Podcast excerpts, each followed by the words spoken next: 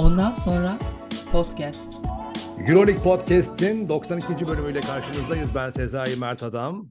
Ben Sem Çocuğu. Sem Çocuğu selamlar. Christmas'ın hayırlı olsun. Sağ ol. Teşekkürler. Sana da mutlu mutlu Noeller. Happy Christmas. mutlu Noeller diliyoruz Euroleague Podcast'ten. evet yurt dışında yaşayan, bizi dinleyen takipçilerimizin de evet. mübarek Noel bayramını. Noel'in de mübarek ettik Duyalım. efendim. Her evet. taraf ışıl ışıl özellikle Avrupa kentlerinde. Bu arada e, bizi Asya'da... Aslında neresi güzeldir biliyor musun şu an? Hı, söyle. Oktay Cevizoğlu'nun şehri şu Petersburg. an. Yani eğer tabii bilmiyorum savaş nedeniyle yaptılar mı yapmadılar mı ama normalde hep canım, şey derler yani. Christmas'ta görmen gereken tek bir yer var. St. Petersburg. Herkes aynı şeyi söylüyor. Peki o zaman St. Petersburg'daki Oktay Cevizoğlu başta olmak üzere Avrupa kentlerinde Christmas e, coşkusunu o işte ışıl ışıl ortamı yaşayanlara buradan selam edelim. Bunun dışında şeyi söyleyecektin demin e, şey oldu söyleyemedim. Asya'dan bizi dinleyen var mı diye sormuştum. E, Asya'dan da bizi dinleyen var efendim. Bangkok'tan. E, Oo Bangkok. Vay. Tabii tabii Bangkok'tan Sem çocuğu. Tayland Bangkok'tan Erdem Şafak e, bizimle temasa geçti. Ona da buradan selamlar. E, kendisi bu arada Güzel yemekler vardır ya orada. Ben seviyorum Tayland yemekleri. Seviyor musun Tayland mutfağını? O, güzel evet. Ya Asya'daki en iyi bence ya. Bu arada bizi Afrika'dan falan da takip edenler var. Bir sonraki bölümde bunları açıklayacağım. Afrika'ya geçelim. Var var. Evet. Yani e, dünya çapındayız yedi, gerçekten. Yedi kıtadan o zaman şöyle bir şey yapalım mı anonsuyla? Yedi kıtadan dinlenen tek podcast. Yedi kıtada at koşturan tek podcast. ya yedi kıtaya hükmediyoruz ya. Hükmediyoruz. Ee, efendim. ne, ne dedin en son? Osmanlı torunlarına bağlayalım oradan. Osmanlı torunlarını da geçtik. Ya Osmanlı'yı da geçtik işte. O yedi kıta. O üç kıtada at koşturmuş. Biz yedi kıtada e, ne yaptı, ne yapıyoruz? Online yayın koşturuyoruz efendim. Şimdi yo- çok yoğun gündemimiz var Serp Çocuğu. Yani muhabbet çok güzel aslında. Buradan çok daha güzel sohbetler çıkartırız da şimdi millet de bekliyor tabii yani bizden. Hani bu hafta çok yoğun geçti. Fenerbahçe için de çok kötü bir hafta oldu. Dün de Trabzonspor e, mağlubiyet yaşadılar futbol tarafında. Darbe üstüne darbe. Şimdi bir de Fenerbahçe yine Ataşehir'de Anadolu Efes'le basketbol Süper Ligi maçı var. Saat 19'da başlayacak. O maça kilitlendi insanlar bir taraftan. Efes için de önemli bir hale geldi aslında bakarsanız. Zaten önemliydi ama biraz daha önem arz eden bir noktaya geldi e, maç. E, orada da Türk Telekom'un liderliği var. Eğer Efes kazanırsa Fenerbahçe ile eşitliyor galibiyet sayısını. Ee, eğer Telekom yanlış hatırlamıyorsan Galatasaray'a dün yenildi. Ee, buradan Basketbol Süper Lig podcast'e geçiyoruz. evet. Ama güzel yani orası da. Neyse Fenerbahçe Efes maçı var sonuçta. Bir de o maç var. Fenerbahçe taraftarının arkası gelmez dertlerimin bıktım illallah sürecine girme olasılığı üzerinden de konuşacağız. Onun dışında tabii ki Efes'i konuşacağız. Konuşacağız. Hazır mısın Sem çocuğu? Hazırım abi evet. En çok sen hazırsındır muhtemelen çünkü Fenerbahçe'yi bol bol konuşacağız gibi duruyor şu anda. Ya aslında hiç hazır değilim ama konuşalım. Sem çocuğu buna hazır oldu. değil diyebilir miyiz? Kötü bir hafta oldu evet. Ya bunu konuşmaya hazır değilsin sen. Yani psikolojin evet, hazır değil. Yani. Peki o zaman başlayalım. Euroleague Podcast yeni bölüm başlıyor.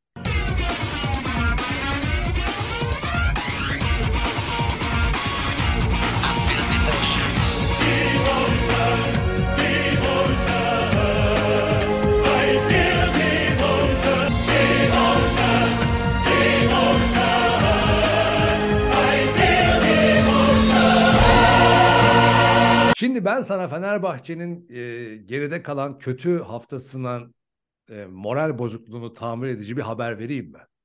Evet.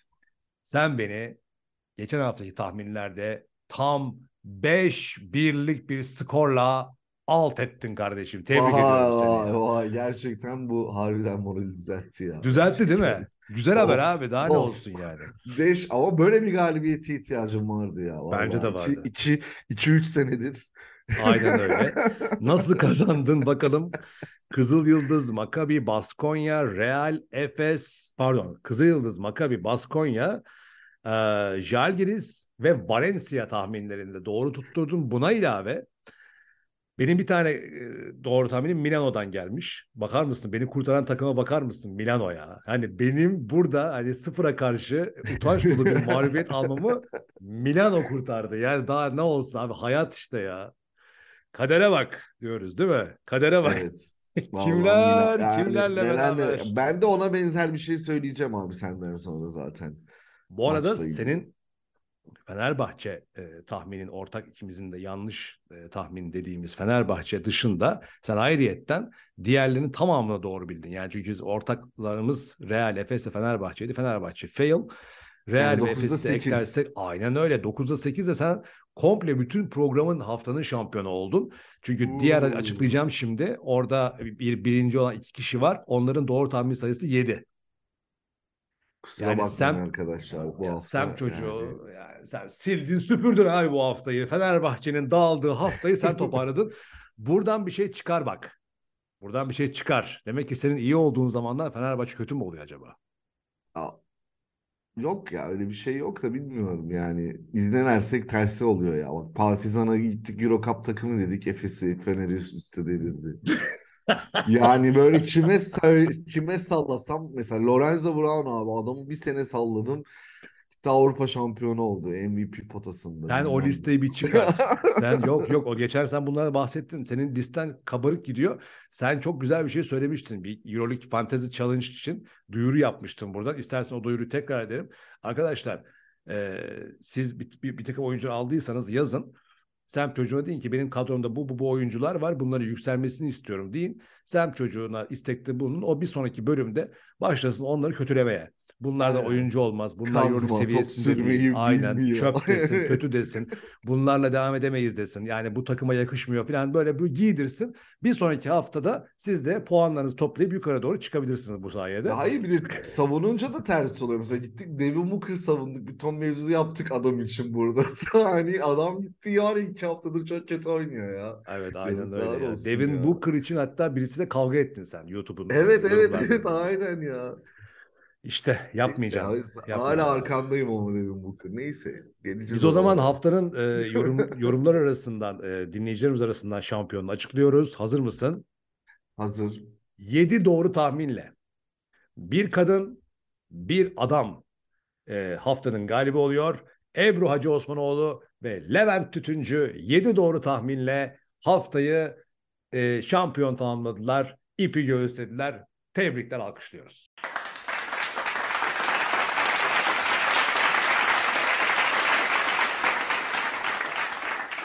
Çifte şampiyon. Evet, evet bravo. Çifte, çifte evet. Eş, eş şampiyonlar. Ebru Hacı Osmanoğlu ve Levent Tüzüncü haftanın eş şampiyonları oldular efendim. Şimdi hemen Fenerbahçe'ye başlayalım bak hadi. Hadi sana sormuyorum Efes mi Fenerbahçe mi diye. Tamam. Başlayalım abi. Ben maçtaydım çünkü. Ee, bunu da tekrar tekrar söylüyorum sanki bir haltmış gibi. Bu arada ben maçı seyret yani Ataşehir'de Partizan maçını seyrettim. Sonra dün Trabzonspor maçını televizyondan seyrettim. Ee, yani benim de e, cenabetlik diye halk arasında geçen cenabetlik. halk arasında cenabetlik olarak adlandırılan uğursuzluk olarak da değerlendirilebilecek olan e, özelliğimi Fenerbahçe'ye yansıtmaya başladım. E, Ali Koç'un da galiba sen de. Evet Ali Koç şey abi. Ay, o da gitmediği maç. Siz ikiniz maça gitmeyin abi ya. Ali Koç işte gitmiyordu. Seri yaptık falan filan.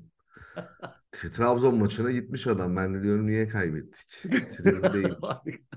Evet. Ali Koç ve Sezai Mert adamın katılımlarıyla e, haftayı berbat kapattı Fenerbahçe. Bence daha fazla konuşmaya gerek yok. Yani bittirelim ben burada programı. Çünkü e, açıklamasını yaptık Fenerbahçe. Evet. Şimdi Efes'i de anlatıp Böyle bir şey yapsak çok iyi olurdu gerçekten. Yani Fenerbahçe'yi böyle yani kötüyken konuşmak acı veriyor ya vallahi. Ben senin acılarını dindirmek için bazı yollar açayım sana o zaman. Şimdi birçok şey konuşuldu. Maç içi konuşulan şeyler var, maç dışı konuşulan şeyler var, duygusal konuşulan şeyler var. Biraz çarşı karıştı Fenerbahçe camiasında. Çünkü Fenerbahçe taraftarı çarşıyı karıştırmaya e, teşne. Yani çok müsait. Onlar bir şey olsun da ben bu çarşıyı karıştırayım diye bakıyorlar. Gel gelelim. Fenerbahçe taraftarının kendi öznel düşüncelerimi tabii ki söylüyorum. Fenerbahçe taraftarının bu ortalığı yani çarşı karıştırma, kaygı, tedirginlik, endişeye e, yüksek mahalli e, hali onların eleştirdiği bazı şeylerin de olmadığı anlamına gelmiyor. Yani hak veriyorum. E, ben de ilk defa Pandora'nın kutusunu açacağım e, o anlamda. Ama tekrar baştan söyleyeyim sevgili e, sarı lacivertliler. Yani gerçekten çok e, şeysiniz. E, çok nasıl söyleyeyim fazla endişe, fazla tedirginlik Bunu aşırı geçen bölüm konuştuk. Efendim? Aşırı, duy aşırı duygusallık. Aşırı duygusallık. Üzerine geçeceğiz yani detaylarını ama ya geçen bölüm anlattım tekrar söylemek istemiyorum ama yani burada tekrar altını çizerek söylüyorum. Ee, burada asıl belirleyici olacak olan şey e, futbola girmek için söylemiyorum bunu ama futbol tarafında Galatasaray, basketbol tarafında Efes'in e, baskısı aslında biraz böyle hani direkt olarak özellikle basketbolda Efes tarafının yani Fenerbahçe'nin e, galibiyetlere, şampiyonluklara acilen ihtiyacı var her iki tarafta da. Bu olduktan sonra bence aklı selim de eleştiri. Çünkü eleştiri yapılmalı. Eleştiri yapılmalı. Ama eleştiri yapılırken ki doğru eleştiriler de yapıyorlar. Mesela ben maç içerisinde düşündüğüm şeyleri e, sevgili e, arkadaşım Emre ile beraber gittik maça. Maç içerisinde konuştuğumuz şeyleri daha sonra sosyal medyadan ben de gördüm. E, orada iki sonuç çıkıyor ortaya. Ya ben çok düz, düz bakıyorum konuya. Hep biz düz bakıyoruz ya da aslında aklın yolu bir. E, ama bunu eleştirirken aynı zamanda ya tak yine dağıldık yine gitti bilmem ne işte bak bu yeni sezon yeni sezon planlamalarına kadar geldiler. Oğlum bir durun lan yeni sezon planlamasına nereden geldiniz şimdi? Sezonun daha 15. haftası geride kalmış. Daha ortasına bile tam olarak gelmemişsin. E, hem ligde hem Euroleague'de.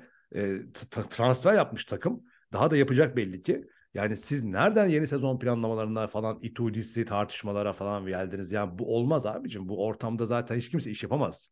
Yani hiç kimse geçen sene yaşadık bunları. Ben geçen sene Djordjevic'in harika bir antrenör olduğunu e, savunmuyordum. Taraftarla olan diyaloğu özellikle eleştiriyordum. Şimdi o hastalıklar tekrar inşallah baş göstermez. Maça gelecek olursak Şimdi maç önüne, maç önü kısmını bir Euroleague podcast'ın Instagram hesabında da zaten paylaştık. E, ben onu çekmiştim. Tabii ki Jelko Obradovic'in takıma yani bu maçta ilk defa e, çünkü geçen sene Euro Cup'ta oynadığı için bir kere şey de gelmişti. İstanbul Cup'ta gelmişti. Geçen senenin başında. Resmi maç değildi. İlk defa Fenerbahçe'nin Ataşehir'deki salonuna bir resmi maçta rakip antrenör olarak geldiği maçtı. Bu nedenle önemliydi. Basketbol müzesinde zaten gezdirdiler bir gün öncesinde. Bence Fenerbahçe camiasının da kulübünün için eleştirilerin bir yönüne cevap veriyorum kendi fikrimce. Fenerbahçe kulübünün camiasının ve taraftarının Obradoviç'e yapmış olduğu karşılama, destek, alkış bence gayet yeterliydi. Şimdi bir bunu yetersiz olarak eleştirenler var. Abi tamam yani bu, bu bir kere bu öyle bence bu yeterliydi. İkincisi Pardon abi hapşurdum da. Tamam orayı tekrar alalım. Ya bence bu yeterliydi. Ee, sen çocuğu sen ne diyorsun? Yani şimdi bir kere şöyle bir şey var yani yetersiz bulanlar var. Yani, yani neyi yetersiz buldu abi? Bir de ben şey yani Şimdi anlamadım yani mevzuyu. Ne yetersiz bu? Yani arkadaşınla aynı şeyi söylediğiniz, ne söylediniz yani? Şunu söylüyorum işte Obradovic'i gayet güzel e, ağırladılar geldi ağırla, falan bize. Hayır oradaki e, destekleme güzelden bir daha sonra Obradovic bir de şöyle eleştirenler var. İşte bir yetersiz diyenler var. Bir de yeterliydi ama Obradovic için tepkilerini de eleştirenler var. Şimdi Obradovic'in tepkilerine baktığımız zaman taraftarın verdiği çiçeğin hemen böyle elinden çıkartılması, kendisi tarafına elinden çıkartılması. Daha sonra işte işte ne bileyim geldi işte Ali Koç'un elinden pardon Melih Mahmutoğlu'nun elinden şeyi aldı işte e, plaket vesaire neredeyse işte onu aldı. Ondan sonra maçına geçti adam. Fenerbahçe taraftarının eleştirisi var. Taraftarının eleştiri var. İşte Obradovic'e fazla ilgi gösterdiniz diye. Yo bence o da değil. Yani zaten bu bekleniyordu. Bir de arkadaşlar bu bir defa yapılacak. Yani bu 10 defa yapılmayacak. Obradovic'in Fenerbahçe antrenörü olmayıp da buraya geldiği anlarda her defasında bu coşku olmayacak zaten. Ha bir alkışlanır, bir sempati gösterisi yine sunulur. Bunlar o kadar üzerine düşünecek olan şeyler değil. E, maç sonuyla alakalı da şöyle bir şey var. Mesela şey hoştu. Bunu Euroleague kendi hesabına da koydu. Obradoviç bir yer hakikaten böyle tam bir sessizlik olduğu zaman salonda Kevin Panther'a bağırdı. Evet yani Fenerbahçe taraftarı da buna tepki verdi. Ben de hatta bir an reaksiyondur bu anlık reaksiyon. Buna bilinçli planlı yapılan şeyler değil arkadaşlar. O anda alkışlandı. Yani çünkü adamın fırçaları tanıdık bildik şeyler. Fenerbahçe taraftarı için bir yeri var. Ee, ve yani o, evet. Yani bunlar nasıl söyleyeyim spontane gelişen şeyler. Maç sonunda da gözümün önünde oldu. Hatta Ivan Milikovic e, bizi takip eden sevgili e, Ivan Milikovic'le de yazıştık hatta. Şöyle e, maç bittiğinde Partizan'ın kazanması kesinleşmeden hatta yani maç kesinleşti sayılır yani daha doğrusu nasıl söyleyeyim maç bitmemişti. Ama e, Fenerbahçe hücumdan yararlanamadı ve faul kazandı Partizan. Faul kazandığı anda zaten hani işte bir saniye mi ne kalmıştı? Bitti yani maç. Maçın bittiği orada neredeyse netleştiği anda Obradovic'in yardımcılarının bir tanesi o böyle sah sahayın içine bakarken arkadan gelip adama sarıldı. Obradovic'e sarıldı.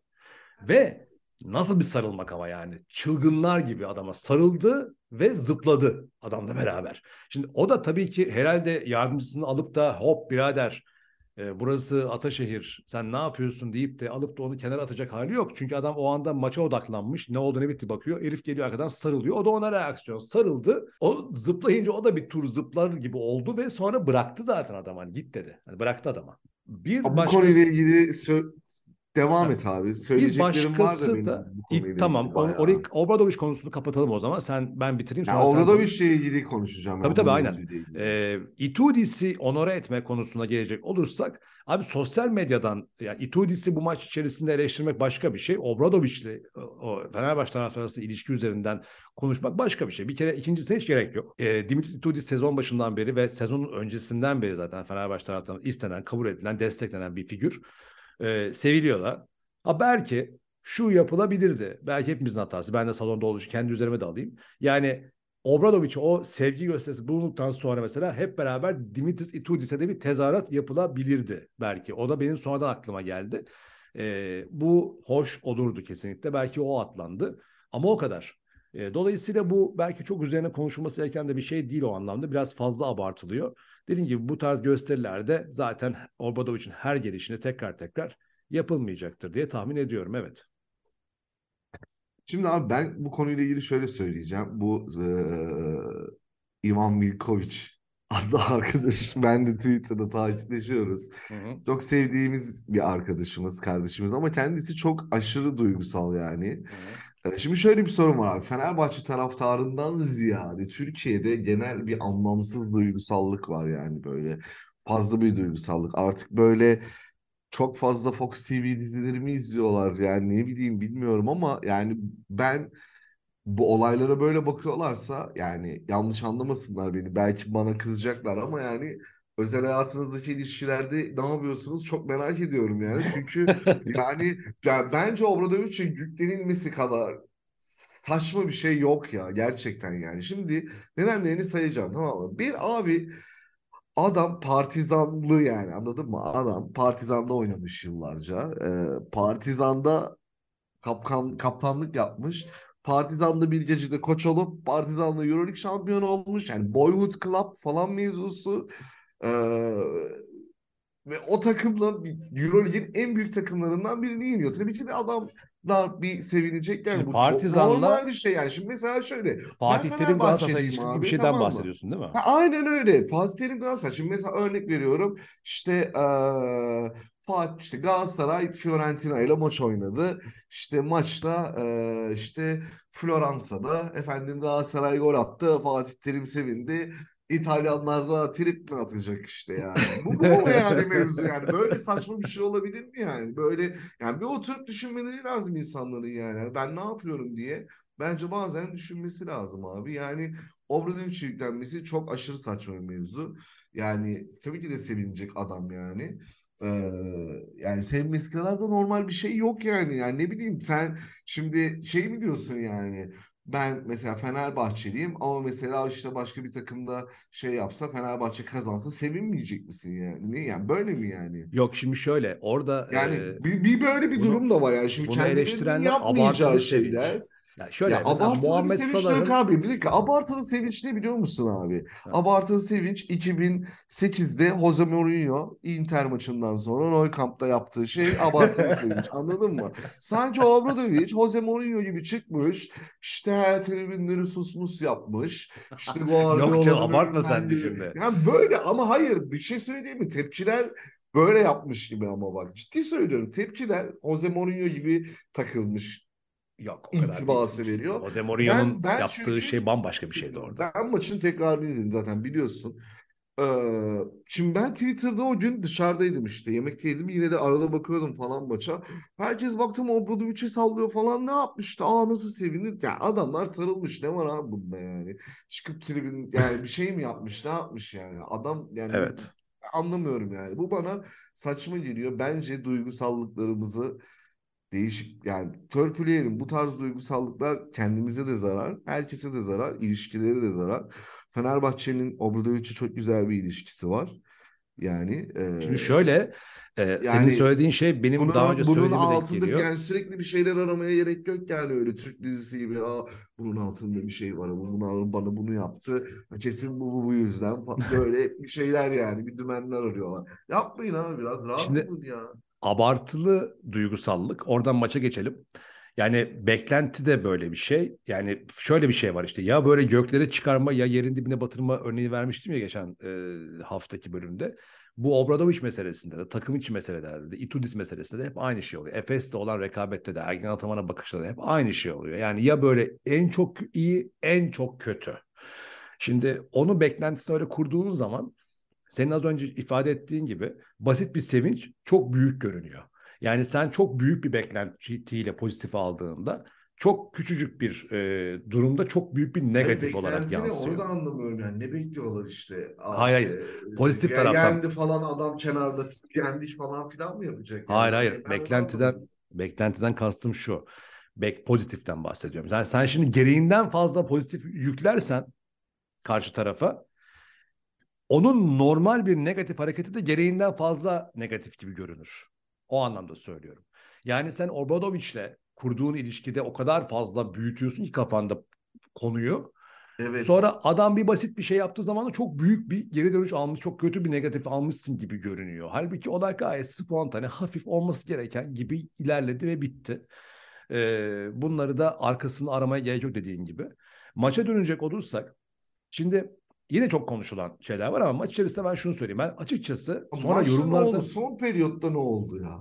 Ya bak genel olarak şunu söyleyeceğim. Ben açıkçası daha sonrasında sosyal medyada da bu yorumlar örtüşen şeyler görünce şaşırdım. Lan ben de dedim böyle düşünüyorum.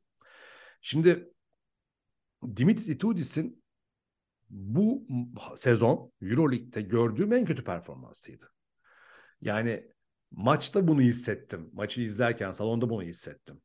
E, çünkü biraz böyle hani gerçekten o salonda seyrettiğin zaman biraz daha böyle şeyi de hissedersin ya. E, oyuncuların ruh hallerini hissedersin. Oradaki durum daha iyi Bugün olmayacak yani. falan dersin. Ya mesela ben Carson Edwards ve Marco Guduric'te bu kadar fazla ısrar etmesini anlamadım maç içerisinde. Ki bu ısrar aradaki 11 sayı farkın kapanmasına yol açtı. Şimdi Carson Edwards ve e, Marco Guduric bir önceki maç yani Merkez Efendi Belediyesi ile oynanan lig maçında toplam 50 sayı ürettiler ikisi. O maçta da e, şey yoktu. Karatis oynamadı. Wilbeck'in de yoktu galiba. Hatırlamıyorum şimdi. Şey daha iyi bilir. Nevzat Can o maçtaydı. Şimdi e, ya 50 sayı üretti abi. 35 sayı Guduric, 15 sayı Edwards attı. Maçı kaybetti Fenerbahçe ayrı konu ama 50 sayı üreten iki tane skorer var yanında. 3 gün önceki maçta yapmışlar bunu bu oyuncuların zaten elinin sıcak olduğu, zaten bu maçta bir skorer ihtiyacının olduğu, Wilbeck'in olsa bile onu destekleyecek bir skorer ihtiyacının olduğu kaldı kurguda var bunlar zaten. Guduric ve Edwards bu kurguda varlar. Ama olmuyor abi işte yani 50 sayı atmış olabilirler. Kurguda olabilirler. Senin dış atışa ihtiyacın olabilir ama Guduric ve Edwards'a gereğinden fazla bu kadar fazla güvenmesi bir. İkincisi ameliyata gidecek olan Tonya Jekiri sahada kadroda şimdi gitti ameliyata. Yok Jekiri iki ay yok. Şimdi Devin Booker'da ciddi bir form düşüklüğü var. Takıma Kostas Antetokounmpo alınmış. Uzun transferi yapmışsın. Bir zaten yine yok. Ve Antetokounmpo'yu takıma alıyorsun. Kadroya alıyorsun. Aldın. Şimdi burada bakıyorsun abi uzunlarında problem var. Jekiri mücadele ediyor yetersiz kalıyor. Booker'ın aklı bir karış havada. E şimdi ne bekliyorsun orada? Antetokounmpo'nun girmesini. E abi Antetokounmpo hazır değil. Abi o zaman niye kadroya girdi bu adam? Yani bak Booker ve Jekiri çok iyi olsalar bile maçta Kostas eğer kadrodaysa hani geçen sene şey Kokoşkov zamanıydı galiba Kyle O'Quinn için yapılmıştı bu hareketler. Hı. Yani mesela ki bu bir markada bir isim yani Kyle O'Quinn'e göre daha tanınan bir isim Kostas Antetokounmpo. Şimdi e, girip bir dakika bile oynasa takıma enerji verebilir, salonu hareketlendirebilir değil mi? Ki yani salon bir bekliyor. bir aleyhüp falan yapabilirler. Aynen abi. Yani. Çok bak şöyle olacak çünkü mesela diye Wilbeck'in topu Kostas'a attığı anda takım taraftar ses çıkartacak zaten. Bir smaç vursa bile hmm. yeter. Takımı evet. ateşleyebilir taraftar. Yo dediğimiz o top ona geldiğinde herkes bir falan filan tabii, olacak. Tabii tabii e, tabii. Yani, yani... bir de salon bekledi yani. E şimdi bırak bırak bunu bunu yapmayı. E, Booker ve Jekir aksıyor. Yani pot altında Çatır çatır işte Matias Lesort oynuyor zaten. Zaklidey oynuyor. Partizan diri bir takım zaten. Mücadele, fizik gücü çok yüksek bir takım. Yok abi Kostas yok. E, abi Kostas oynatmayacaksan o zaman Samet'i niye almadın diye düşündüm. Yok abi Samet'i alsaydın o zaman Samet it, iki, içeri girip itişip kakışsaydı bari yani pot altında. Hiçbir şey yapmasa bile iki, iki tane faal yapsaydı mesela Samet. O durdursaydı o insanları oradakileri. Ya da ne bileyim Samet'i sokup e, şeyleri dinlen, dinlendirseydin mesela. Adam aldı 4 faal öbürü aldı 5 faal. Yani şimdi bu adamları bu kadar suyunu çıkartmanın ne alemi var? Zaten oynayamıyorlar. İyi değiller de zaten. Jackie millet bravo diyor alkış tutuyor işte. Yani, eyvallah tamam mücadele etti işte 8 sayı attı bilmem ne falan ama yani yeterli değil ne yapacağız şimdi? Yani yeterli değil Jackie. Zaten Motley yok. Motley olmadığından beri zaten Fenerbahçe bir türlü toparlayamadı kendini. E, Scottie Wilbeck'ini de o kadar fazla oyundan aldı ki. Yani ben de dedim ki herhalde sakatlık yüzünden, sakatlıktan döndüğü için bunu yapıyor. Yani Scottie Wilbeck'ini sürekli gereksiz bir şekilde, fazla bir şekilde çıkardı girdi. E şimdi bu takımın skor yükü için üstünde kaldığında ve Guduric o gün iyi değilse abi yapacak hakikaten bir şey kalmıyor geriye. Wilbeck'in daha ne yapsın? Adam dört tane üçlüyü çaktı gitti yani zaten daha ne yapsın? Yani ki Itudis'in söylediği bir şey var. Diyor ki biz kısalardan öğreten değiliz. Yani bu gün gibi ortada. Nigel S. Davis önemli. Mesela Dechampierre bayağı iyiydi maçta. Çok uzun süre kenarda kaldı. Yani dolayısıyla ben anlamadım. Itudis acaba Obradovic'e karşı bir takım taktik savaşlara mı girdi kafasında? Bir şey mi canı sıkıldı? Bir şey mi okuyamadı? Ama her ne olursa olsun gerçekten Fenerbahçe'nin zorlansa bile bak zorlanma bile değildi bu maç biliyor musun? Kafa kafaya giden böyle biraz böyle rekabetin olduğu aynı Efes maçı gibi. Güzel bir maçtı. Güzel maçtı bu arada. Efes maçı da güzel maçtı. Efes Partizan maçı da güzel maçtı. Partizan her iki maçta da çatır çatır oynayıp kazandı abi ya. Ama Efes'te Fenerbahçe'de biraz böyle bir saçma hatalar yapmasalar iki maçı da alabilirlerdi yani. Hani diyorsun ya yendiler. Doğru yenebilecek potansiyeli sahipler zaten. Sezon başından beri ben bunu söylüyorum. O yüzden playoff adayı diyorum sezon başından beri. Ama abi böyle kaybetmek de bu taraftara iyi gelmiyor. Çünkü takımın galibiyete ihtiyacı var. Tekrar bir e, şey özgüven sağlaması için. Bu maçta bir 11 sayılık fark Itudis'in bence orada bazı kararları nedeniyle gitgide eridi. Ee, bunun yanında ilk defa söylüyorum. Yani Carson Edwards e, yani Carson Edwards'ı çok bekleyemeyiz açıkçası. Çok bekleyemeyiz. Eğer böyle bir gün oynayıp üç gün oynamayacaksa biraz böyle biraz şöyleyse e, o zaman bir tane skorer alsınlar. Yani bir tane alsınlar. Çünkü abi Melih Mahmutoğlu bu yaştan sonra Melih Mahmutoğlu'ndan şey bekleyemezsin yani. Gel Guduric'i, gel Wilbeck'ini ikame et. Heh, olmaz. Melih girecek, iki tane at, üç tane atacak, iki tane sokacak, çıkacak. Gelecek, girecek, çıkacak. Metecan da öyle. Oralarda yani artık acilen Bielisa'nı ve acilen artık hani o Bielisa'nı acilen çünkü o da siniri bozmaya başladı o konuda. Yani Bielisa dönmeyecekse kontrattan çıkılsın muhabbetleri benim için de geçerli olmaya başladı. Acilen Bielisa dönüp forma girmeli. Acilen Motley dönmeli. Acilen Kostas oynatılmaya başlanmalı. E, Jekiri de çünkü gitti şimdi. E, Samet'ten daha fazla faydalanacaksa faydalansın ama Edwards'tan da e, çıkmayacaksa gönderilsin Edwards'ta ya da Edwards'ın yerine başka birisi alınsın. Edwards kenarda dursun bilmiyorum. Guduric'den de bu kadar fazla beklenti yani kurgusal anlamda gerek yok. Son bir sözüm de şey için söyleyeceğim. Scottie Wilbeck'inle gerekirse Fenerbahçe uzun vadeli kontrat yapsın. Bilmiyorum 3 yıllık mıydı anlaşması bilmiyorum ama Wilbeck'in buradan emekli olsun bence. Yani karakteri o kadar uygun ki Fenerbahçe'ye. Ben sezon başından beri en sevdiğim transfer zaten. Geç kalınmış olan bir transfer Wilbeck'in Fenerbahçe için bu arada. Ee, yani onu en da... büyük aşklar nefretle başladı. evet. ya ben aynen yani o şey Wilbeck'in Bobby Dixon mücadele şeyini söylüyorsun değil mi sen? Evet. Ama yani Bobby Dixon gider gitmez alınabilirdi. Yani Scottie Wilbeck'i mesela. Yo, hayır zaten ben Wilbeck'ine saygı duyuyorum. Bobby Dixon gibi bir adama kafa tutabiliyorsan yani. Evet. Sen de sağlam Yok abi. Scottie, Scottie Wilbeck'in böyle bir 4 sene falan Fenerbahçe'de o karakterine işleyen nakşonlar. Yani emekli olursa sevinirim açıkçası. Fenerbahçe'de emekli olursa çok güzel olur her iki taraf için E, Kalates için de şunu söyleyeceğim. Fenerbahçe'nin oyun kurucu talebi vardı, taraftarın vardı, oyunun vardı vesaire ama yani Kalates daha dinamik bir oyun kurucu. Yani hareketli bir oyun kurucu. Aslında biraz daha e, topa daha basan futbol tabiriyle söyleyeyim. Topa basan, daha soğuk, daha statik olan, bir tık birazcık hani Naumoski ile Sulukas arası bir e, oyun kurucu beklentisi vardı. Şimdi Nikolatis pek öyle değil. E, Nikolatis daha dinamik. Gerekirse kendisi daha fazla potaya giden, gerekirse daha fazla kendisi şut atan, gerekirse daha fazla kendisi ortalığı karıştırıp e, oyun bulmaya çalışan birisi. Ha bu çok önemli değil. Ancak şu da bir görülüyor ki Nikolatis'in omuzlarında taşınacak durumda da değil hikaye. Yani o noktada ne geliyor karşımıza? Demek ki oraya da bir tane transfer, buraya da bir tane transfer diyemeyeceğimize göre demek ki Şehmuz Hazer'le İsmet Akpınar'ın daha fazla süre alması gerekiyor. Yani İsmet'in, Şehmuz'un, Metecan'ın, Samet'in daha fazla süre aldığı, Carson'dan verim alınmayacaksa yenisinin geldiği, Bielsa ve Motti'nin acilen döndüğü ve aynı zamanda her bokada moralini bozmayan bir Fenerbahçe görmek dileğiyle diyerek kapatayım ben. İyi bir özet yaptığımı düşünüyorum en son olarak. Ya iyi bir, çok güzel bir özet yaptın abi. Yani ee, biraz bence herkes biraz daha sabırlı olsun ya. Henüz böyle bir şey bir şey kaybedilmiş gibi davranılıyor her sene her sene. Bu mevzular oluyor futbolda da basketbolda da. Mesela dün benim arkadaşım işte her hafta maç izlediğimiz işte arkadaşımız. Hani arkadaşım akıllı bir insan yani. Anladın mı? Diyor ki ya bu Jesus olmuyor ya gitsin bu adam. Diyor yani. Abi durun bir sakin olun senin dediğin mevzu Bielitsa mevzusu abi e, beklemeye değer bir Bielitsa öyle bir adam şimdi o da var. Yani işte başka X biri olsa e, şey olmazdı yani. Hani Bielitsa'nın olduğu bir Fenerbahçe'yi ben e, Bielitsa, Motti falan herkesin tam olduğu bir kadro çok acayip bir basketbol oynayabilirler. Onun dışında Türk oyuncuları değerlendirmedi bu maçta. Ee, yani bence Şehmuz bu, bu tarz bir maçın adamıydı. Çünkü özellikle son periyot yüksek mücadele vardı. Kostas atsaydı bir iki dakika işler değişirdi senin dediğin gibi.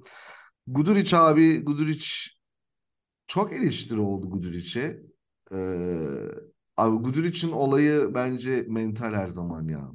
Evet. Yetenek doğru. anlamında değil yani. Doğru. Onun bir yani mesela NBA'de bazı oyuncular işte o gidiyorlardı işte mesela Kobe ile takılıyorlardı işte falan. Yani sadece mental almak için yani anladın mı?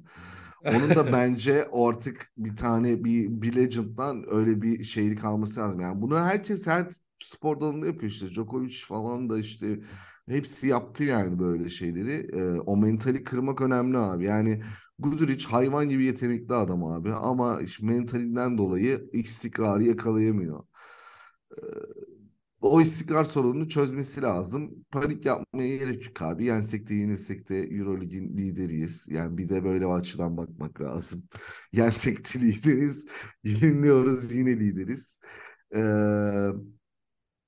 Carson Edwards için abi. yaptığım yoruma ne diyorsun? Carson Edwards için yaptığın yoruma katılmıyorum abi. Bence e, biraz bek- beklemek lazım. Daha doğru kullanılması lazım. Yani mesela örnek veriyorum top sürmesini falan. Aa, o zaman bu kadar uzun kullanılması lazım yani. abi. Hayır abi bence nasıl diyeyim? Carson Edwards'ın o gün gelmiyorsa artık gelmesin Carson Edwards o, o adam. Ya bak, ya o adamı şöyle bir şey yapmak lazım. Bir transition hücumlarında kullanmak lazım. İki evet. o adama bir de şut yaratıyor olmak lazım. Bence o adamın top sürmemesi gerekiyor kesinlikle yani. Ya Carson Edwards'tan o Oyun geliyorsa kurmaması gerekiyor hatta yani. Ya işte bak zaten benim eleştirim yer orasıydı. Ya o kadar fazla Edwards ve e, Guduric'e o kadar fazla sorumluluk verdi ki maç içerisinde. E, ben dedim ki neden mesela Guduric mesela Guduric bir numaraya geçtiğinde ya zaten Guduric bir numara oynaması onun için zaten ekstra bir şey. Mesela evet. bunu Avrupa Eurobasket'te kendisi söylemişti. Yani Mitsic sakatlandığında e, arkasından işte biri daha sakatlanıyor e, dedi ki yani şey uzun bir süre sonra bir numara oynamak zorunda kaldım dedi. Sırbistan bir takımında kendisi söyledi. E şimdi Fenerbahçe'de ya Ituris bunları tabii ki benden milyon kere daha fazla iyi bilen bir insan olarak yapıyor bunu eyvallah. Ama ben hani sahada gördüğüm Gudur için hem gününde olmayan bir Guduric varken onun bir numarada uzun süre kalması. Yani oralarda şey bekliyorsun hani Wilbeck'in ve Kalatis aynı anda sahada olmasını bekliyorsun. Bir sakatlık sakatlıktan dönüş yüzünden mi Wilbekin acaba ekonomik kullandı? Hadi onu Dechampierre'i de herhalde sakatlıktan dolayı ekonomik kullandı. Ya bu olabilir. Tek aklıma gelen şey oluyor yani Pierre ve Wilbekin'i e, bu kadar ekonomik kullanması, Kostas'ı hiç sahaya sürmemesi, Edwards ve Guduric'i e, çok ısrarcı olması, e, sakatlık dönüşü ve ikisinin de bir önceki maçta fazla sayı atmaları ve Partizan'ın da aslında o kadar aman aman top oynamayışı. Ya Partizan hakikaten iyi takım. Çok önemli kozları var elinde bir kere. Yani takımın bak bunu tekrar söylüyorum. Yani hem Papa Petru hem e, Kevin Panther hem Zach Lide'yi e, hem Dante Exum'u ki Dante Exum erken faal problemi girdi maçta. 3 faal aldı ikinci periyot sonunda. Uzun süre kenarda bekledi. Bunlara rağmen yine de kazanılabilecek olan bir maçtı ama böyle özetleyelim. Peki o zaman geçelim mi Anadolu Efes'e? Fenerbahçe. Geçelim, geçelim, geçelim abi. Geçelim. Yeter Efes, Anadolu Efes. Dört tane, bir tanesi şu anda olmayan, sezon başından beri olmayan ama onunla beraber dört tane elit şutör. Will Clyburn, Vasilya Mitsic, Rodrigo Boboa ve Shane Larkin.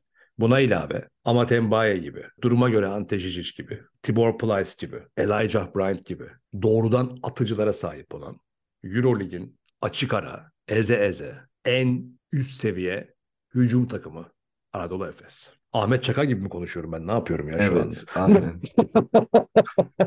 Birazdan bu geceyi bu hale getirenler Allah belanızı versin. Öyle var ya. Niye öyle oldu ya? Sade çocuklar falan. Ya şimdi şey maçını izlerken bu arada maşallah dediğimiz 40 gün yaşamıyor diye bir laf var yani. Ben Efes'e geçen hafta maşallah iki hafta önce maşallah diyoruz demiştim. Böyle kapatmışım Efes bölümünü. Arkasına iki tane mağlubiyet geldi Efes'ten.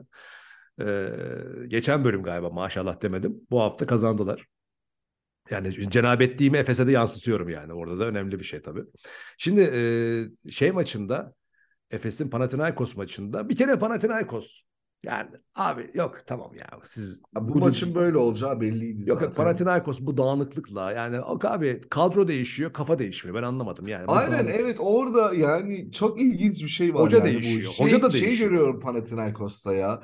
Şu e, 2010-2013 Obradovic öncesi Fenerbahçe, Spahya. Ha, ha süper süper. PNG yani o o dönemdeki gibi isim var abi. iyi isimler var ama yani takım yok ortada.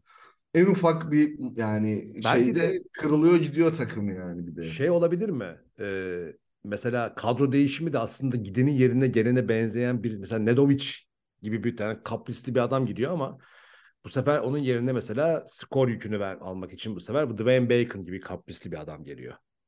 Yani ne bileyim işte e, kadro derinliği de benzer. Yani benzer kadro yapılanmalarıyla aslında gidenler yani yapı kafa aynı kalıyor.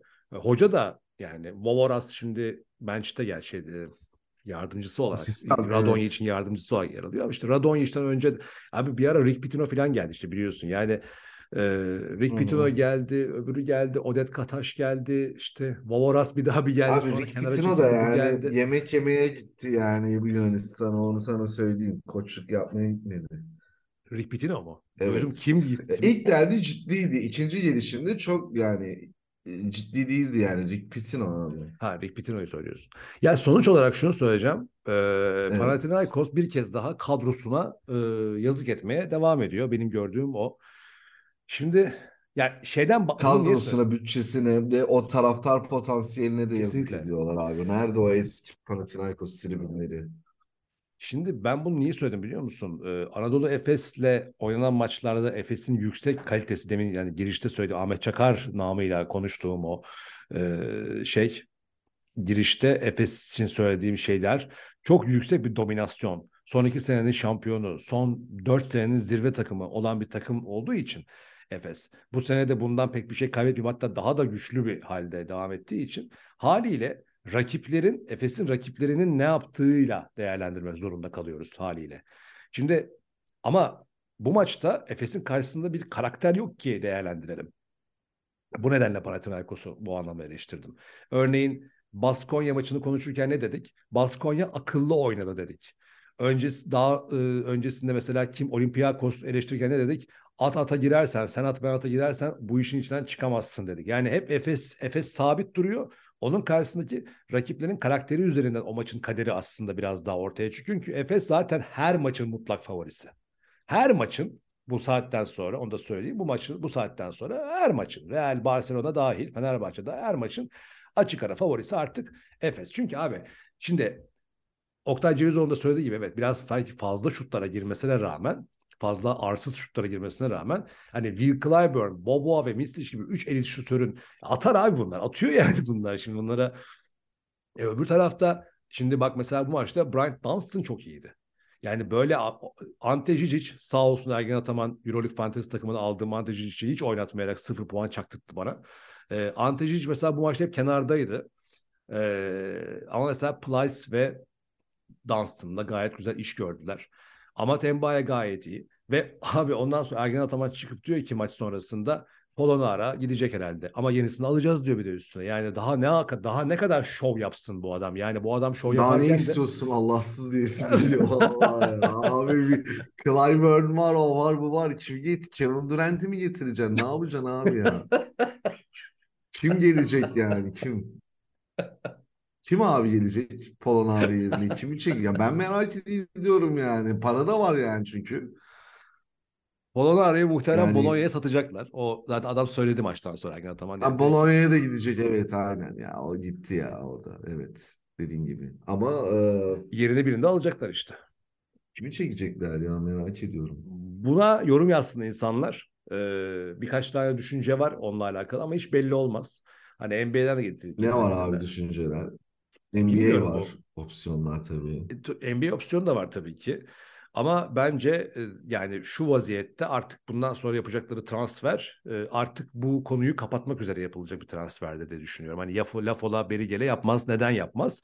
Çünkü e, Jicic'i de öyle çekebiliyor. Dörtte oynayabiliyor duruma göre Jijic. Amat Embaye zaten gayet yeterli şu anda. E, buna ilave Efes'in şu anda hiç faydalanmadığı Egemen Güven var 5 numarada. Euroleague için konuşuyorum. Aynı şekilde Egehan Arna var. Yine e, Euroleague'de hiç faydalanmadı. Bu opsiyonlara çıldırıyor Ergen Ataman zaten. Yerlilerinden reaksiyon şey verim alamıyorum Euroleague'de diye. Ligde de iyi değiller diye. Şimdi böyle bir ortamda yani daha Larkin dönmemişken milletin elini ayağını titretir pozisyona geldi Efes. Yani bu ortamda bence onlar şey diyecekler. Yani tamam Polon'a aracım sen hakikaten iyi transferden olmadı hadi hoşça kal. Bir çekelim ki birini öyle bir getirelim ki darbeyi vursun. Ha şu da olabilir bak. Bak şu da olabilir. Chris Singleton gelir. Şu da olabilir. Hiç uğraşmazlar. Hı hı. Chris. Çünkü bir opsiyonumuz var dedi Ergen Ataman. Aslında birden fazla var dedi. Ama bir tanesini baştan söyledi. Demek ki birincisi yazılı tepede yani açık ara. Biri ben bir şey söyleyeyim mi? Kimler olabilir biliyor musun? Bak Darren Hillard olabilir. Mevzusu vardı Makabi'yle çünkü onun bir tweet falan filan attı. Kadro dışı, kadro dışı oldu. Ee, Mike Toby o da gidecek kesin. O da kesinleşti. Barcelona'dan. Evet evet. Mike Toby aslında yani var ya of müthiş işine gelir. Mike şey. Toby niye gidiyor Barcelona'da? Ben onu kaçırmışım. Bilmiyorum bir mevzu vardı ama Mike Toby durmayacak ya. Mike Toby'yi alırsa Efes işte bak o konuyu kapatma transferi olur o.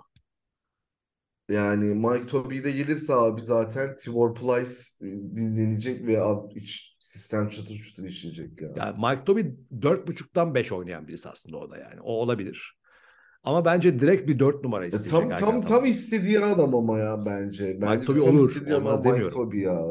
Ama bence şutu var, her reboundu evet. var falan yani. Ama dediğim gibi yani Chris Singleton'u getirip e, zaten bilindik, tanıdık insan. Tamam demiştir hani aramız biraz seninle limoni oldu da artık kırgınlıkları bir kenara bırakalım. Sen de dinlendin. Gel biraz antrenman yap. 2-3 hafta sonra Shane Larkin'le beraber dönersin sen de. işte girersin içeri. Biz de o zamana kadar Clyburn ve Mistic'le atmaya devam edip kazanmaya devam ederiz deriz. Yani açıkçası işler yolunda. Bu saatten sonra yani bu dördüncü sezonumuz bu podcast'te. 3 sezondur söylediğim şeyi tekrar ediyorum tekrar ve bu da Efes için çok büyük başarı bence. Bu saatten sonra Efes ancak yine kendi konsantrasyon bozuklukları e, bozar. Bir de e, Fenerbahçe bağlamında da bir şey söyleyeyim. Yani Fenerbahçe'nin mesela yine takımında, şimdi tekrar Fenerbahçe döndüğünde mesela Efes'i anlatmak için söyleyeceğim bunu. E, istatistik beşleri açıklandı yine Şu anki güncel liderleri daha doğrusu. Ve bu beşlerde en iyi beşlerde işte en iyi en çok yani ilk beş rebound kralı, sayı kralı neyse işte. Bu arada yine Fenerbahçe oyuncusu yok. Ama az önce senin de söylediğin gibi Fenerbahçe lider. Ama mesela burada e, Clyburn ve Misic en az iki listede var. Sayıda var, rebound da var, asist de var. Şimdi dolayısıyla e, burada bir kere bir kuvvet farkı var. Yani Efes'in mesela bu sene Real Madrid'in kadrosu çok açık ara. Sert duruyor. Barcelona zaten öyle. Dolayısıyla Milano e, Yu da katabilirdik aslında ama işte kendi sorunları yüzünden tepe taklak oldular. Dönerler mi tekrar bilmiyorum. Ama özellikle bu üç takımın kadrosu Barcelona, Real ve Efes'in kadrosu şu anda e, ciddi ağır basıyor abi. Bu nedenle mesela Monaco Mike James odaklı bir takım. Mesela Mike James ve etrafı. Fenerbahçe'de o da yok. Hani biri ve diğerleri mesela. Efes'te birileri ve diğerleri vardı. Larkin, Mistic Şimdi bu sene onu da kırdılar. Clyburn geldi, Jijic geldi. Diğer oyuncular işin içine daha fazla girmeye başladılar. Onu da açtılar. Öbürleri zaten yıldızlar karması. Barcelona, Real filan. diğer rakiplere bakıyorsun. Mesela Olympiakos. Olympiakos'a biraz daha yakın mesela Fenerbahçe. Daha takım. Ama mesela Fenerbahçe hala bu sene Vezenkov gibi bir star da çıkartamadı. Vezenkov'un istatistiklerinde birisi de çıkartamadı. O nedenle değerlendirirken hep böyle bakmak gerekiyor. Bu takımın karakteri ne? Bu takımın karakteri bu. Bu takım daha fazla oyunculara dağıtıyor. Ama bu takım... Fener'in olayı yani Fenerbahçe'nin olayı öyle değil. Evet daha çok takım oyunu yani. Evet. Şey, Efes'in ise diğer rakiplerin gözünden bakılarak Efes için Efes'in korkutucu olan tarafı e, işte bu dört senedir onları zirvede gezdiren Larkin Mistric ve etrafındaki takım yan parçaları hikayesinin daha genişlemeye başlaması. Yani şimdi bu sefer diyelim ki işte dedin ya 4 numaraya Mike Toby ayarında bir daha geldi. O zaman ne olacak işte Larkin, Mistic, Clyburn, e, Boboa, Mike Toby abi o. O zaman Real'in Barcelona üstüne de çıkıyorsun. E, o nedenle e, Efes için işler bence Ergen Ataman tarafında da gayet yolunda. E, onun da soğukkanlılığından bunu anlayabiliyoruz. Panathinaikos'un maçın herhangi bir kesiminde e, zerre kadar kazanma ihtimalini göstermediği Dwayne Bacon bunu iki hafta önce de yaptı. İlk yarıda sıfır çekip ikinci yarıda 20 sayı atmıştı. Ee, ya abi olmaz öyle. yani Dwayne Bacon Ama gelecek... tabii bir de şu, şöyle bir psikolojiyle de maça çıkmış olabilirler abi. Yani zaten kaybetti. Kaybedecekleri bir maç yani. Öyle bakmaz ya. Yani çünkü Radonjic de gayet galibiyete ihtiyacı olduğunu biliyor. Kaldı ki niye öyle baksın? Bu Efes'i Baskonya yenmiş, Partizan yenmiş. Yani Baskonya yenmiş burada işte. Yani şimdi sen eğer kendini Baskonya'nın da altında görüyorsan o kadroyla bırak bu işi zaten. Durum öyle. Benim söyleyebileceklerim Efes tarafında böyle. Zaten özellikle bir de yarın oynanacak olan Fenerbahçe Efes e, maçında da her ne kadar lig maçı olup da işte yabancıların tam yani yabancı kısıtlaması nedeniyle işte tam yansımasa da Euroleague gibi yansımasa da bence psikolojik anlamda ne durumda olduklarının e, iyi bir işaret olacaktır diye düşünüyorum. E, pazartesi günü oynanacak olan Fenerbahçe Anadolu Efes lig maçı. Sen ne diyorsun o maça? Kim abi, kazanır? ne diyeyim ya? Efes alır gibi geliyor ya. Abi bak Fenerbahçe taraftarı böyle işte ya. Yani... Ya şu an öyle abi sakat var bir ton yani. Ne ya yeniriz basar geçeriz falan mı diyeceğim. Clyburn orada her maç 20-30 sayı atıyor orada Misic formda. Efendime söyleyeyim yan parçası Bobo bile çıkıyor 30-35 atıyor. Yani ne, yani ne diyeyim burada şey o futbol yorumcuları gibi mi konuşayım ben de yani ya işte. Konuş bakalım nasıl konuşuyor? Şey vardı bir tane. ne, geçen sene bir tane adam geldi geçen sene. Kemal Ademi mi ne adam çıktı işte. Yok Vedat Mur için daha kudurtucu versiyonu. Zlatan'a benziyor falan. Adam 10 dakika top oynamadı ya gerçekten. Yani neyse. Yani hep Kemal böyle yani nasıl değil yani gerçekçi konuşmak lazım abi yani. Ben de tabii ki Fenerbahçe'nin kazanmasını istiyorum ama yani bu podcast'te de Ahmet Konaç'tan bahsettiğim için hepinizden özür dilerim arkadaşlar. Bilen biliyor bunu. Bu Ahmet Konaç. Evet. Bir de Ahmet Ercanlar var, var değil mi? insan takip ediyor ya. Ahmet Ercanlar başka bir mevzu abi ya. ya. Yani ya o şey abi Rambo Okan statüsünde benim için ya. Evet evet öyle bir adam. Ben yani Fenerbahçe'nin delisi yani o artık. Yazarlık falan filan. Ya, o, şey, tabii tabii. Tribün, habercilik tribün. olaylar bitmiş artık.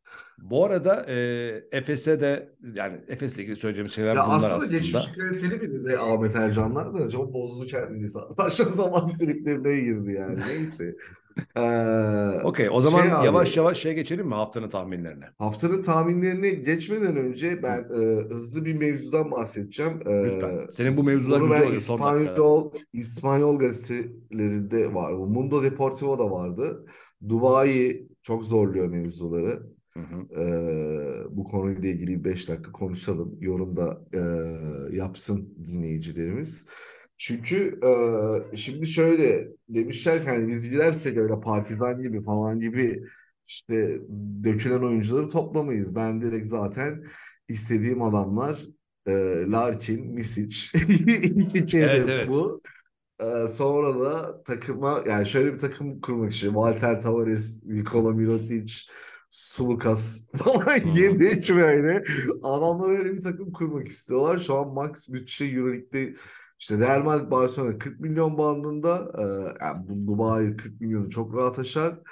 Ama böyle bir şey yani böyle yani bence girsinler. Ben para gelsin abi para lazım tamam mı? Öyle düşünmek de gerekiyor.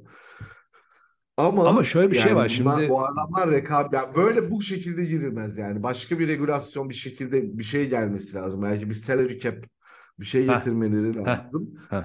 Öyle alsınlar mesela Dubai Heh. takımını.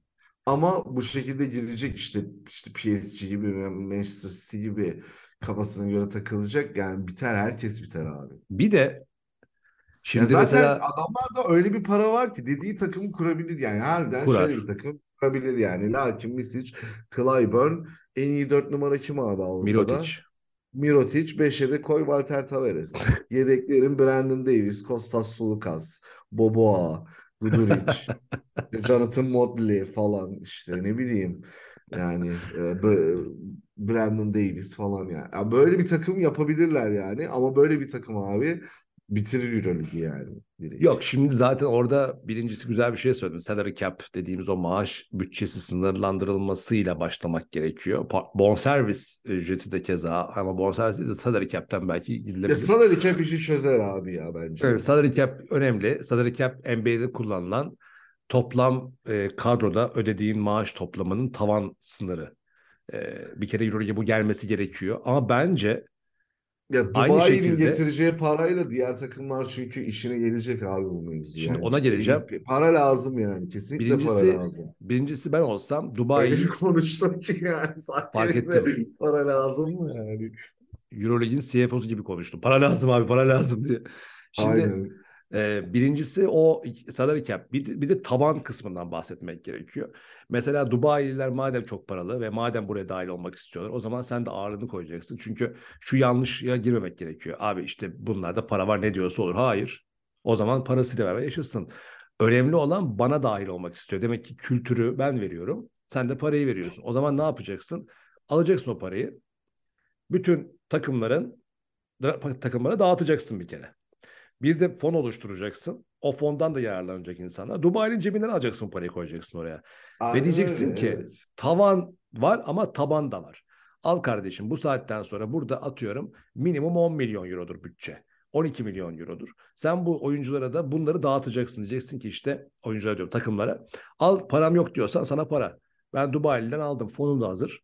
Bu paraları size eşit olarak dağıtıyorum. Takım kurmak zorundasınız iyi takım kurmak zorundasınız. Ha, üçüncü versiyon da e, şeyi de gözetmek gerekiyor ama bu tabii yasayla kuralla yapılacak olan bir şey değil. Şimdi her ne kadar paranın tabii ki hükümranlığından bahsetsek de Euroleague özelinde şey de var yani. Şimdi mesela deminden beri ne konuşuyoruz? Fenerbahçe taraftarını konuştuk, Partizan'ı konuştuk, Panathinaikos'u konuştuk, şunu konuştuk, bunu konuştuk. Bu taraftar kültü var. Bu taraftar kültü ortada dururken sen kalkıp da her şeyi paraya endekslediğin zaman bu oyuncular kalkıp da parayı veren düdüğü çalar deyip Dubai takımı oluştuğu zaman o zaman e, belki sen çok allame cihan bir takım kurarsın. Hani salary cap'e rağmen kurarsın belki. Ama e, bu sefer zayıf kalan, elinde yıldız kalmayan, mücadele gücü düşen, taraftar kitlesi olan takımların desteği çekilir. Yani e, işte birkaç tane marka e, takımın işte parayı bastırıp da kurduğu takımların borusu ötmeye başlarsa Fenerbahçe'nin, Panathinaikos'un, Olympiakos'un, Žalgiris'in taraftarı maça gelmez abi. Bu kadar basit yani. Çünkü artık orası bizim alanımız olmaktan çıktı derler. Orası bir para cenneti oldu derler. Yani sen Larkin, Mitsic'i şak diye oradan alıp buraya gönderdiğin anda Efes tarafları da bir çekilmeye başlar. Tabii canım Çünkü, yani. yani bunları göz önüne almak gerekiyor. Ben öyle hatalar yapacaklarını zannetmiyorum. Ama öncelikle senin de düşündüğün o iki madde önemli. Yani bir tanesi ondan bir parayı alıp takımlara dağıtıp iyileştirme yaparak bir tavan sağlamak ve fon oluşturmak. İkincisi ise yeni gelecek takımlar içinde. İkincisi ise salary cap yaratarak onları sınırlandırmak. Çünkü e, ne yapar Dubai'li? Buradaki adamı çekemezse gider NBA'deki adamı çeker. Ya abi Euroleague'in böyle ciddi bir ekonomist falan getirmesi lazım. CFO olarak koyması lazım. Yani bu işlerden çıkmaları şu dönemde zor yani. İşte dediğin gibi onun sınırı mesela adam mesela şey getirir mesela öyle bir durumda. Senin Mirotic'in mi nazlandı? Nazlanmaz da. Diyelim ki nazlandı mı? Clyburn'un mi nazlandı? Gider şey getirir işte Tayland ligin, Tayvan ligindeki e, Dwight Howard'ı getirir mesela. Gelir, verir parasını, oynatır. NBA'de çok süre almayan bir tane yıldızı getirebilir. Zamanında bunlar Türkiye'ye geldi biliyorsun. Ya bu ülke Allen Iverson gördü ya. Yani Beşiktaş'ta. Yani, Williams. evet aynen öyle. Onlar geldiler. İşte bir ara Fenerbahçe o şey zamanında yani çok boykot zamanı Mahmut Abdurrauf geldi. Can Tabak geldi filan. Neyse işte yani sonuç olarak e, ama en tepesi hakikaten Allen Iverson'dı. Yani Allen Iverson'ın ayarında birini artık süre almayan ama çok büyük yıldız olmuş birini çeker getirir. Önünü alamazsın. Ha? Oynar, oynamaz, başarılı olur, olmaz ama totalde zarar da verebilir. Onları gözeterek bence gözetebilir. Bak bizim iki dakikada şu an bulduğu çözümleri günler boyunca bu işin profesyonel insanlar çok daha fazlasını e, bulabilirler. Bence de olmasın demiyorum ben ama olacak senin söylediğin gibi herkese faydası dokunan ve ligi zarar vermeyecek, basketbola zarar vermeyecek şekilde olsun. Çünkü bu Arap dünyasının daha doğrusu Arap değil de e, orta petrol Arap, dünyası. Petrol dünyası evet yanlış bir ifade kullanmış olmayalım petrol dünyası, petrodolar sahiplerinin bu kadar antipatisinin yükseldiği bir noktada Euroleague'in daha dikkatli aranması gerektiğini düşünüyorum. Özellikle ya o kadar. Evet daha hassas bir e, daha hassas e, nasıl yani. diyeyim? Daha hassas bir kitle Euroleague kitlesi de tabii, tabii. Katar deneyimi o kadar kötü değildi bu arada ya. Katar deneyiminde de yani şimdi şöyle şimdi e, Messi niye o biçi giydi, biç mi, biş mi? Onu niye giydi? Ee, yani ona mı kaldı arkadaşlar? Her şey bitti. Yani her şey okeydi de Messi'nin giydiği yeleğe mi takıldınız? O ana yani kadar aynen onu Katar her şeyini yapmış. Her şey bitmiş şimdi bir şey söyleyeceğim. Her şey bitmiş ondan sonra vay bana neyi yelek giydirdin? Abi yeleği de giydiriversin artık o saatten sonra. Yani zaten adam her şeyini yapmış. Reklamını yapmış. Organizasyonunu yapmış. Alkol yasağını koymuş. LGBT yasağını koymuş. Kol bandına yasak koymuş. Formana yasak koymuş senin seyircinin kılık kıyafetine yasak koymuş. Hepsini yapmış. Sen de bir taneniz bir tane ya bir tane ülke çıkıp da hop birader biz bu işi boykot ediyoruz deyip de katılmamazlık etmemiş.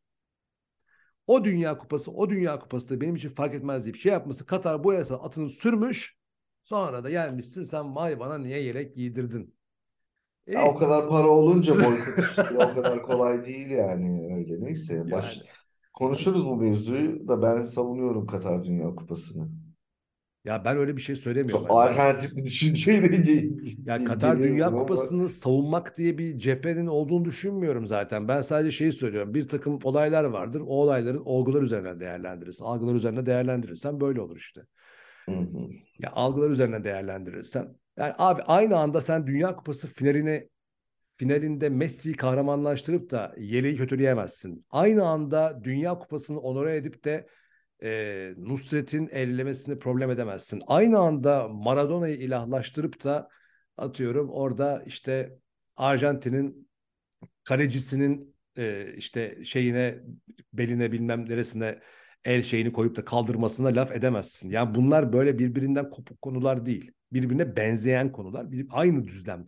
Bizler böyle şey yapıyor. Yani düzlem sanki farklıymış gibi başka bir düzlemde konuşuyor. Hayır hepsi aynı düzlemde. Bütün o Arjantin'in kalecisi de Messi'de, onun giydiği yelekte, Nusret'te, Kupa'da, orada işte ölen inşaat işçileri de, yasaklanan taraftarlarda, yapılan baskılarda, katılmayan veya katılan bütün takımlarda, boykot etmeyenler de hepsi Katar emirinin düzleminde. Evet, Siz isterseniz ki. başka bir şeymiş gibi düşünebilirsiniz kendinizi rahatlatmak için ama hayat öyle işlemiyor. Hayat gerçekleri böyle işliyor. Günün sonunda onlar kazandılar. Katar kazandı istediğini yaptı.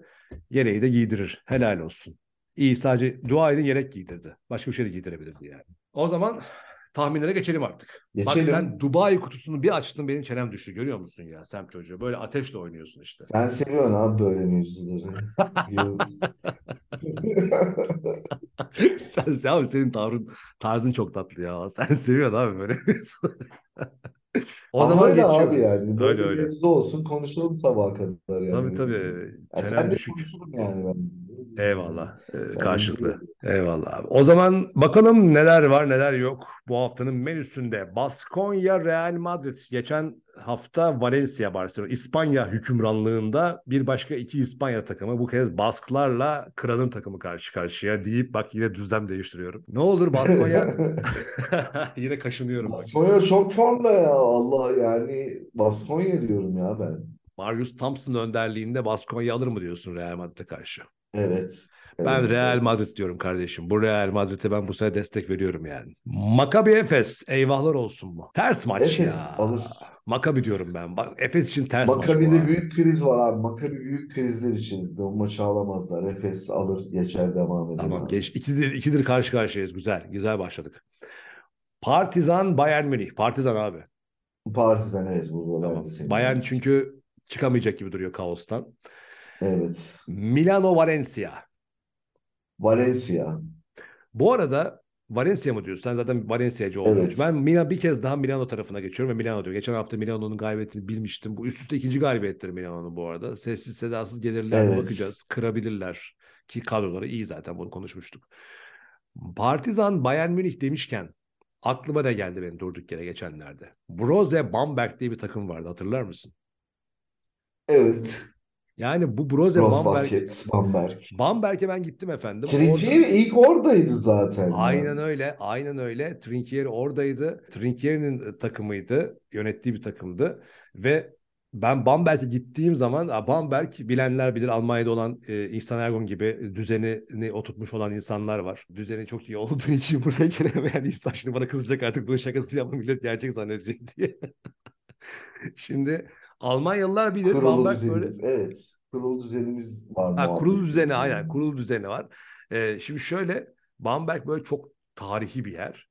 Ama çok küçük bir yer. Yani İstanbul'daki Kadıköy kadar bir yer en fazla. En, o kadar bile değildir. O kadar bile değildir. Yani Kadıköy'ü. Ondan sonra e, ve buranın bir Euro takımı olması beni çok heyecanlandırmıştı oraya gittiğim zaman. Ve takımı hatırlayalım dedim. 2016-2017 sezonunda mesela takımın aynı Sam çocuğun söylediği gibi Andrea Trinchieri'nin baş antrenörlüğünde. Şu anda ligde oynayan kimler var? Fabian Kazor var. Ondan sonra Maudolo var. Yanis Strelniks var. Nicolo Melli var. Luis Olinde var. Evet. Ee, Radosevic var. Ee, Daniel Tice var ki şu anda kendisi NBA'de yanlış hatırlamıyorsam. Evet. evet. Böyle bir takım. Gayet iyi bir takım. Boston'daydı galiba. En son Boston'daydı. Şimdi Pacers'a gitmiş. Indiana'ya gitmiş. Yani böyle bir takım arkadaşlar. Yani Daniel Tyson, Nicolo Melli'nin, Olinder'in olduğu, Maudo Leon'un, Fabian Cazor'un ki gençlik yılları diyebiliriz Fabian Cazor için. Sterniks'in oldu ve Andrea Trinchieri. Yani bu takım bu sene iş yapar mıydı Sem çocuğu? Bence yapardı. Yapamazdı abi ya. Allah. Bence yapamazdı. Bence Alaberlin'den daha Yani dar rotasyon. Fabian Kazör, Kazör var. Yani e, Maudolo aynı Maudolo zaten. Yani Nicolo Melli var ama. Ben aldım. Nicolo, yani Nicolo Melli galiba buradan öyle... Bayern Münih'e gitti değil mi? Hayır abi. Nicolo Melli Bamberg'den e, Fener'e Direkt Fenerbahçe'ye geldi. Yok. Nicolo Melli galiba direkt Yok hayır ne oldu? Evet hayır öyle olmadı. Milano'daydı Nicola Yok be abi. Evet, Milano'ya gitmedi. Evet evet evet. Milano'da çok küçük yaşta oynadı abi Nicola Melli. Altyapıdan çıktı. Gentile ile birlikte. Tamam, Hatta ben benim en genç oyuncusu Milano tarihinin öyle biliyorum. Tamam ben ee, Bamberg ee, sonrasını Euro, soruyorum. Eurolig'in de öyle. Milano, Bamberg, Bamberg sonrası Fener evet. Ha, tamam arada, arada Bayern Münih yok. Yok hayır. Tamam, o tamam, Bartel ha. abi. O Danilo Bravo. Onunla karıştırdım. Danilo Bartel gelmişti Bayern'den. Peki o zaman devam edelim e, şeyimize, tahminlerimize. Tahminlerimize nerede kaldık? E, Partizan Bayern Milano'yu konuştuk. Monaco, Jalgiris. Bu arada Jalgiris demişken Final Four resmen açıklandı. Bu sene Kaunas'ta yapılacak. Ben de sevgili Avrupalı devlet yetkililerinden vizemin onayını Aa, beklediğim Kaunas'ta için. Kaunas'ta mı olacak? Tabii Aa, Kaunas'ta ben... olacak. E, bir sonraki de yani önümüzdeki sene de Berlin'de olacak. Yine Berlin'e döndüler. Ya Şimdi Berlin sevdası nedir ya? Vallahi anlamıyorum. Vallahi Berlin sevdası var anladım ya. Bir Berlin sevdası var hakikaten. Ha, Berlin sevdaları önünde yapın abi o zaman yani. Niye abi bu Berlin? Emin önünde yapın. Aynı yani semt yani. Ya Berlin çok güzel bir abi. Çok Berlin. kalabalık, çok şey abi biliyorsun oranın. Ya biliyorum da Berlin Berlin'dir ya her zaman. Berlin Berlin ist gut yani bence benim için.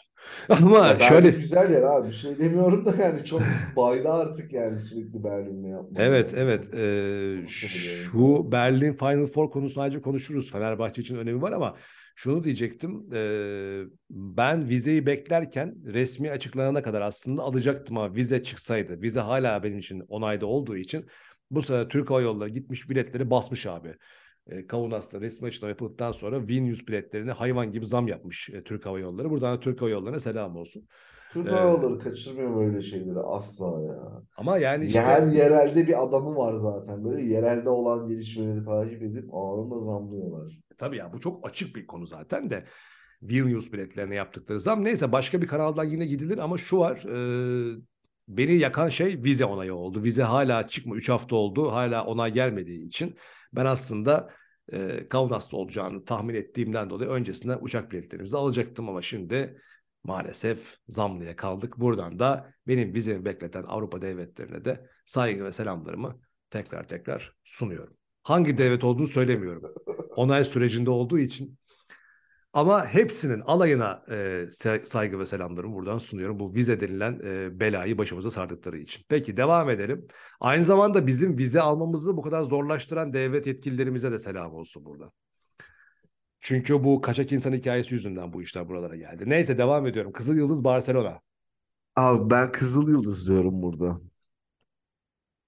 şey artık Campazzo'da geldi diyorsun. Evet, evet, evet, evet. Yendiler bu hafta abi. Seri yenilmiyor adamlar yalnız ya. adamlar ya bir de hedef maç abi Barcelona. Şimdi tabii bu takımı kurdu. Hani Barcelona'ya falan kafa tutmak için kurdular bu takımı. O yüzden yani ben bekliyorum. Yani Barcelona'ya kafa tutmak için mi kurdular diyorsun takımı? Yani abi sence e, Panathinaikos'a kafa tutmak için mi kurdular bu takımı? Hani 14. bitiriyorduk her sene bu sene de 10. bitirelim falan takımı değil yani. Sert, o belli. sert, sert girdin hakikaten sert girdin. Şu Olympiakos deplasmanında kazanmış olmalarına tabii değinemedik Efes'in Fenerbahçe'nin şeyi yüzünden. Ya, Olympiakos deplasmanında Campazzo'da yoktu zaten. Hani olmayan bir e, Campazzo olmadığı maçta kazandılar. Bu maçta olur mu? Olabilir Barcelona maçında. Bu arada şeyi atladık biz seninle. E, araya ben Kaunas Final Four'u soktum. Monaco Jalgiris maçına ne diyorsun? Monaco mu diyorsun? Ee, Monaco Jalgiris maçına Monaco diyorum evet. Tamam ben de Monaco diyorum orada aynı nokta. Kızıl Yıldız Barcelona Kızıl Yıldız diyorsun öyle mi? Evet. Ben ona Barcelona diyorum abi. Artık seriyi burada sona erer peki, diyorum. Peki, Panathinaikos. Olympiakos haftanın en önemli maçı. E, Atina derbisi, Yunanistan derbisi. Alır. Ama gerçi geçen sene böyle yine bir mevzu oldu. Panathinaikos almıştı derbiyi. Ama Olympiakos alır diyorum ya. Ben şimdi komik bir şekilde Panathinaikos diyeyim. Biraz da senin karşına geçmek için. Bu maçı izleyin efendim. Peki, peki, peki. 22 ne zamanmış? 30'unda yani yılbaşından bir gün önce Cuma günü.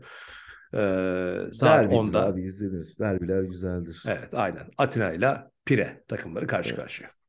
Asvel Alba Berlin. Heh. Maça bak şimdi. Oğlum, çok sakat maç ya gerçekten.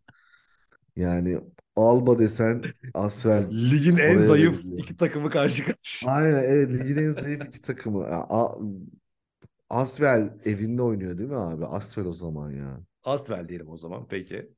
Yok ben Alba Berlin diyorum. Çünkü Alba bu hafta kazanacaktır bence artık. Ee, Asvel'in balonu söndü diyelim ama aman zaten neyse ne ya işte. Bologna. Zorla kaybettireceksin. Evet abi. Evet. Bologna deplasmana çıkıyor e, Fenerbahçe. İlk defa Fenerbahçe haftanın son maçını oynayacak. İtalya'da. Zor maç. Benim Bologna biliyor, diyorum. Bologna Aa, ilk defa. Ben Fenerbahçe diyorum abi. Çok eksik var abi bu eksiklerle. Ya ne eksik var be dönüyor Motti gelmiş olacak o maç artık. Abi Şengelya var ya köpek gibi saldıracak. Şengelya yani ya Fenerbahçe düşmanları listesinde Aytaç Kara'dan sonra 3. sırada yani. Aytaç Kara kimdi ya? O futbolcu mu? ya sen abi bilen bilir evet ya. Var bir tane Aytaç Kara her Fener maçında mevzu yaratır. Var böyle çeşitli. ya her takımın bir düşman oyuncusu var yani böyle yani. Her takıma Ay, yapan. Aytaç Kara diyorsun. Göksel'in gibi işte. Göksel'in yani. çok sağ. Eyvallah. Bir de öbürü Tornike Şengelya. Ama Şengelya Aa bak Şengelya'nın bir, bir sıkıntısı var. Çünkü e, bundan bayağı bir sene önce işte Kaliniç'e mevzuları vardı. Kalinic hata yaptı bizim zamanımız geldi diye. Biz bunları Final Four'da tokatlayınca Kalinic'i sen kim ediyorsun hadi git devam et falan böyle bir saat mevzusu vardı. Zaten bu yaz ya şampiyonada yaptıkları rezalet Şengelya önderliğinde neler evet. neler yaptılar. Gürcistan ee, Türkiye maçında. Evet yani e, bilmiyorum abi Şengelya'nın mevzusu nedir yani. Ama o yüzden ya ben Bologna'yı önde görüyorum ya bu maç abi öncesi. Enteresan. Ben Fenerbahçe diyorum e, o zaman. Ya biz çok yani nasıl diyeyim şu an bir tık kırılgan geliyoruz, görüyoruz onlara göre. Onlar kendi evinde oynayacaklar. Tribünler dolu olacak. İffe Ludmerk, Teodosic falan hepsi var. Pazartesi günü oynanacak olan Ama Efes maçından şey sonra. Abi, Teodosic'i izliyor olacağım tek izliyor olacağız yani. Bu evet. güzel bir şey yani ben abi yani nefret de ediyorum biraz ama yani abi adam ya izliyorsun ya gerçekten. Tabii canım çok o yani, elit elit oyunculardan şey, bir tanesi. Şey yani. muhabbeti gibi hani işte Ronaldinho için hani Zula'dan fıstık çıkartırsın yani. O muhabbet gibi Teodosic işte gerçekten. O zaman veda edelim. Efendim, veda edelim abi. E, güzel bir programın sonuna geldik. Ben Sezai Mert Adam. Ben Sem Çocuğu. Haftaya yeni yıl öncesinde artık bir şekilde araya sıkıştıracağız bir şekilde o programı nasıl yapacağız bilmiyorum ama becerebilirsek yapmayı haftaya yeniden görüşmek üzere. Hoşçakalın. Hoşçakalın. Ondan sonra podcast.